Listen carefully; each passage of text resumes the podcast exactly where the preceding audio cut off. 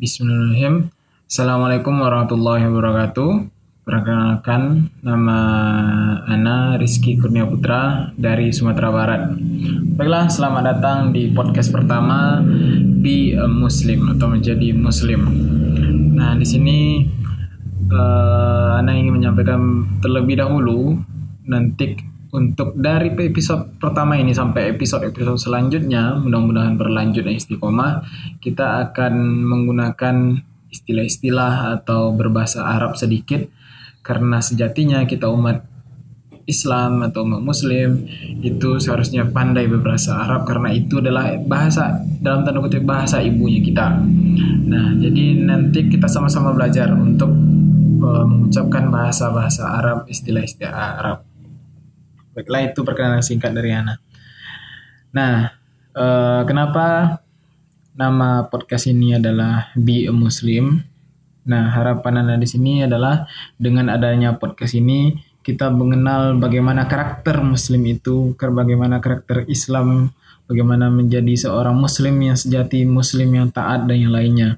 Karena kebanyakan seperti ini saat sekarang ini uh, personal itu sudah mencakupi atau mencontohkan yang global. Misal, ada seorang muslim yang atau umat Islam yang mencopet, oh berarti ajaran Islam itu adalah ajaran pencopet. Atau mungkin bisa jadi itu kalau yang buruknya. Namun terkadang alhamdulillah misalnya ada umat uh, Islam atau salah seorang muslim yang uh, taat beragama, rajin sedekah, rajin beramal, kemudian rajin puasa atau saum sunnahnya, berarti Islam adalah ajaran kebaikan.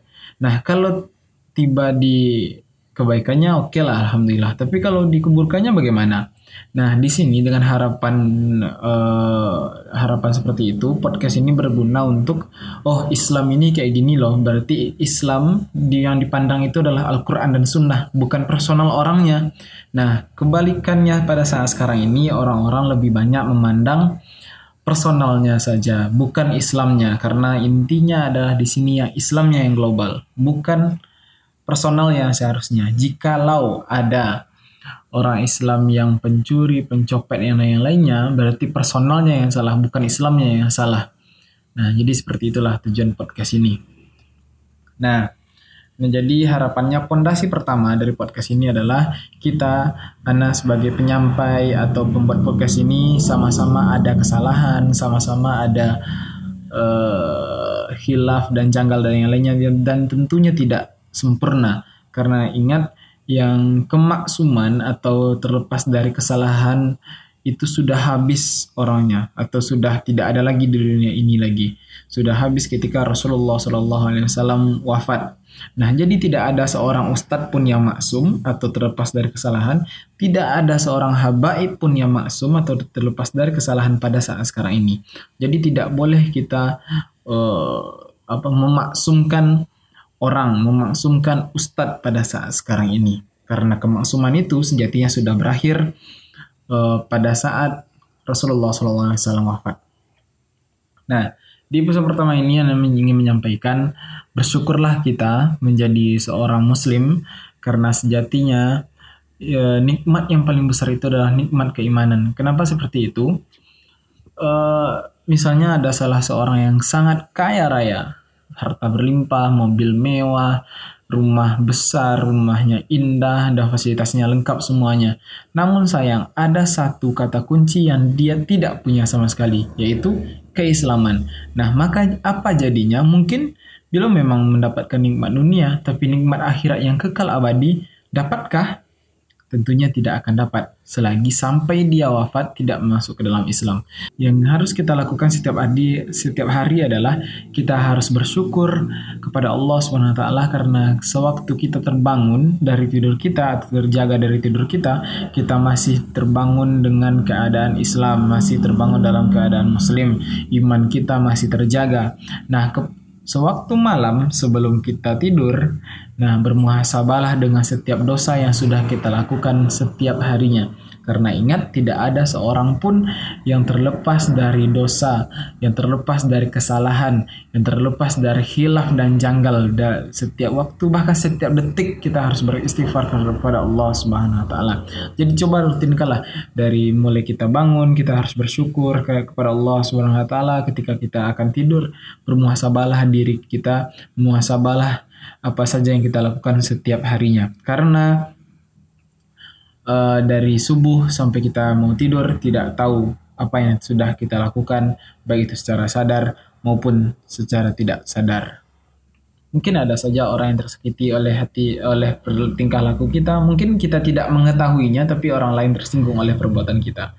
Maka bermuhasabahlah dengan setiap dosa-dosa yang sudah kita lakukan setiap harinya.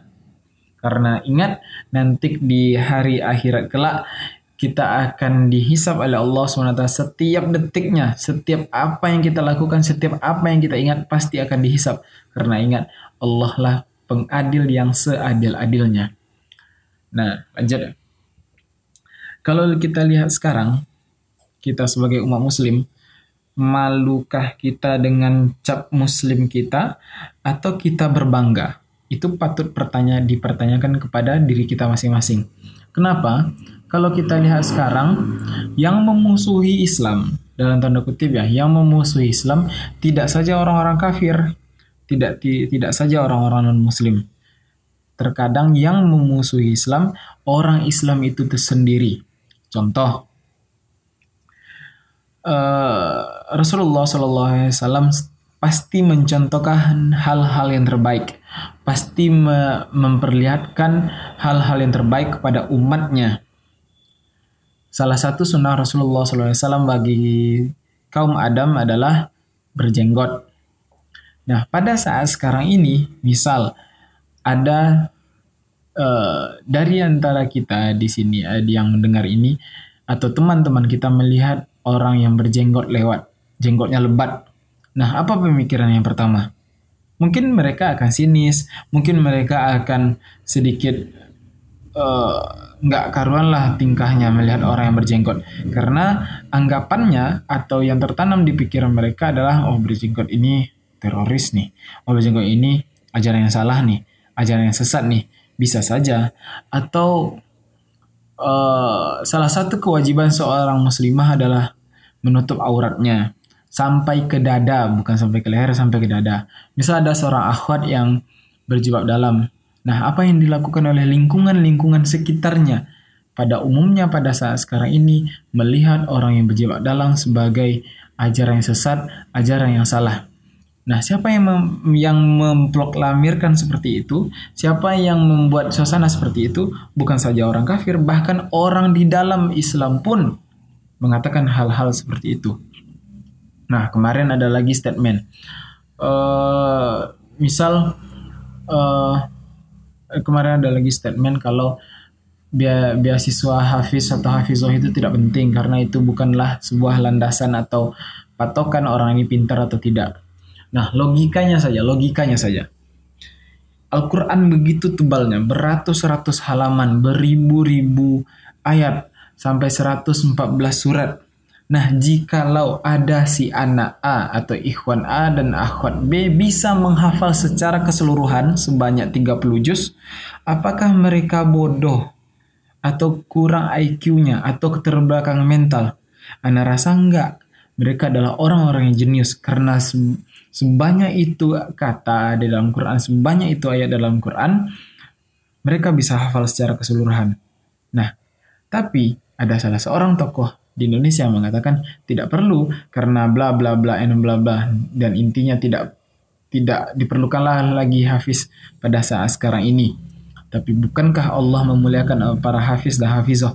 Bukankah janji Allah kepada hafiz hafizoh bisa memberikan mahkota mahkota kebanggaan kepada orang tuanya? Nah, ini jadi pertanyaan. Kenapa malah orang Islam yang menjadi musuh Islam itu sendiri? Begitulah keadaan umat muslim pada saat sekarang ini terpojokkan, disalahkan, ditakut-takuti secara terus-menerus supaya mereka tidak leluasa dalam beragama. Itu baru di Indonesia. Bagaimana yang di dunia? Kalau kita lihat Indonesia, Apakah se sejak Israel menjajah Palestina, apakah saudara-saudara kita di sana sudah merasa bebas dengan hal-hal yang mereka lakukan? Belum, bahkan sampai saat sekarang ini Masjid Al-Aqsa masih dikuasai oleh Israel, bahkan mau diruntuhkan karena ada keyakinan di bawahnya ada kuil Solomon Templar, kuil Solomon. Nah, jadi pada saat sekarang ini di mana posisi kita sebagai umat muslim Indonesia atau bahkan di mana posisi kita sebagai negara yang mempunyai umat muslim terbesar di dunia? Apakah kita tidak mau menjadi jawaban untuk setiap persoalan umat muslim di dunia? Karena kita lah yang terbesar umat muslimnya di, di dunia ini kalau dibandingkan dengan negara-negara lain. Arab Saudi saja itu tidak sebanyak kita, umat muslimnya, apalagi Mesir, Turki apa semacam, kita yang paling besar. Nah, kalau kita yang yang paling besar, tidak maukah kita sebagai umat Islam yang terbesar di dunia ini menjadi pionir atau jawaban jawaban untuk setiap permasalahan umat muslim di seluruh dunia? Seperti yang kemarin ada umat muslim di India. Di India ada seorang bapak-bapak atau kakek-kakek yang sedang berjalan di pasar, kemudian datanglah seorang laki-laki yang perawakannya agak besar dengan ditodongkan senjata kepada kepala umat muslim ini yang si bapak itu langsung ditembak langsung mati. Nah apa apa tanggapan media di sana? Ya kriminal biasa, nggak ada nggak ada diisukan teroris apa segala macam. Nah begitu juga media pada saat sekarang ini media kalau menurut teman-teman sekalian media kalau menurut teman-teman sekalian sekarang memojokkan Islamkah atau mendukung Islam? Kalau yang Anda lihat, media pada saat sekarang ini sudah dikendalikan oleh orang-orang yang tidak berpihak lagi, yang tidak pro lagi kepada Islam. Nah, jadi pada saat sekarang ini, tugas kita adalah satu, menjadi brand ambasadornya Islam. Nah, teman-teman tahu brand ambasador kan? Brand ambasador itu kayak duta lah, agen yang akan selalu mempromosikan sebuah produk misal uh, Om Deddy Kobuzer itu menjadi brand ambassador-nya JNT. Nah, beliau memang aktif untuk mempromosikan JNT apa segala macam. Jadi memang ada beban di beliau dalam dalam tanda kutip ya, ada beban yang beliau bawa supaya yang brand yang dia bawa itu tidak buruk image-nya di mata masyarakat. Nah, begitupun kita. Kita sejatinya adalah brand ambasadornya Islam. Nah, beban kita seharusnya itu lebih besar daripada sekedar sebuah perusahaan karena pertanggungjawaban kita bukan kepada orang, bukan kepada A, B, C, dan D. Karena pertanggungjawaban kita adalah kepada Allah Subhanahu wa taala yang telah menciptakan kita dan seisi alam jagat raya ini. Nah, jadi pada saat sekarang ini jadilah kita brand ambasadornya Islam yang baik dan benar. Karena di pundak kita masing-masing ada yang namanya Islam. Ketika kita baik, maka Islamlah yang akan diuntungkan. Ketika kita buruk, maka kita dan Islamlah yang akan dipandang buruk oleh orang lain. Kenapa? Karena kita adalah umat muslim yang bertanggung jawab kepada agama kita. Nah, jadi itu ya yang ingin saya sampaikan pada podcast pertama ini. Jadilah brand ambassador yang benar, jadilah orang Islam yang benar, tentulah ilmu keislaman di mana pun, kapan pun. Terutama umat muslim pada saat sekarang ini, tidak saja umat muslim. Permasalahan rakyat Indonesia pada saat sekarang ini adalah membaca. Nah, jadi sebagai kita sebagai umat Islam, kalau ingin menjadi brand ambassadornya Islam, pertama, rajin-rajin membaca manual book kita atau Al-Quran. Kemudian pelajari sunnah-sunnah Rasulullah SAW berbagai banyak macam sunnah dari bangun tidur sampai tidur lagi itu sudah ada sunnahnya, sudah ada tuntunannya, sudah ada ajarannya dari Allah Subhanahu Wa Taala dan dikasih contoh juga oleh Nabi Allah Muhammad Wasallam.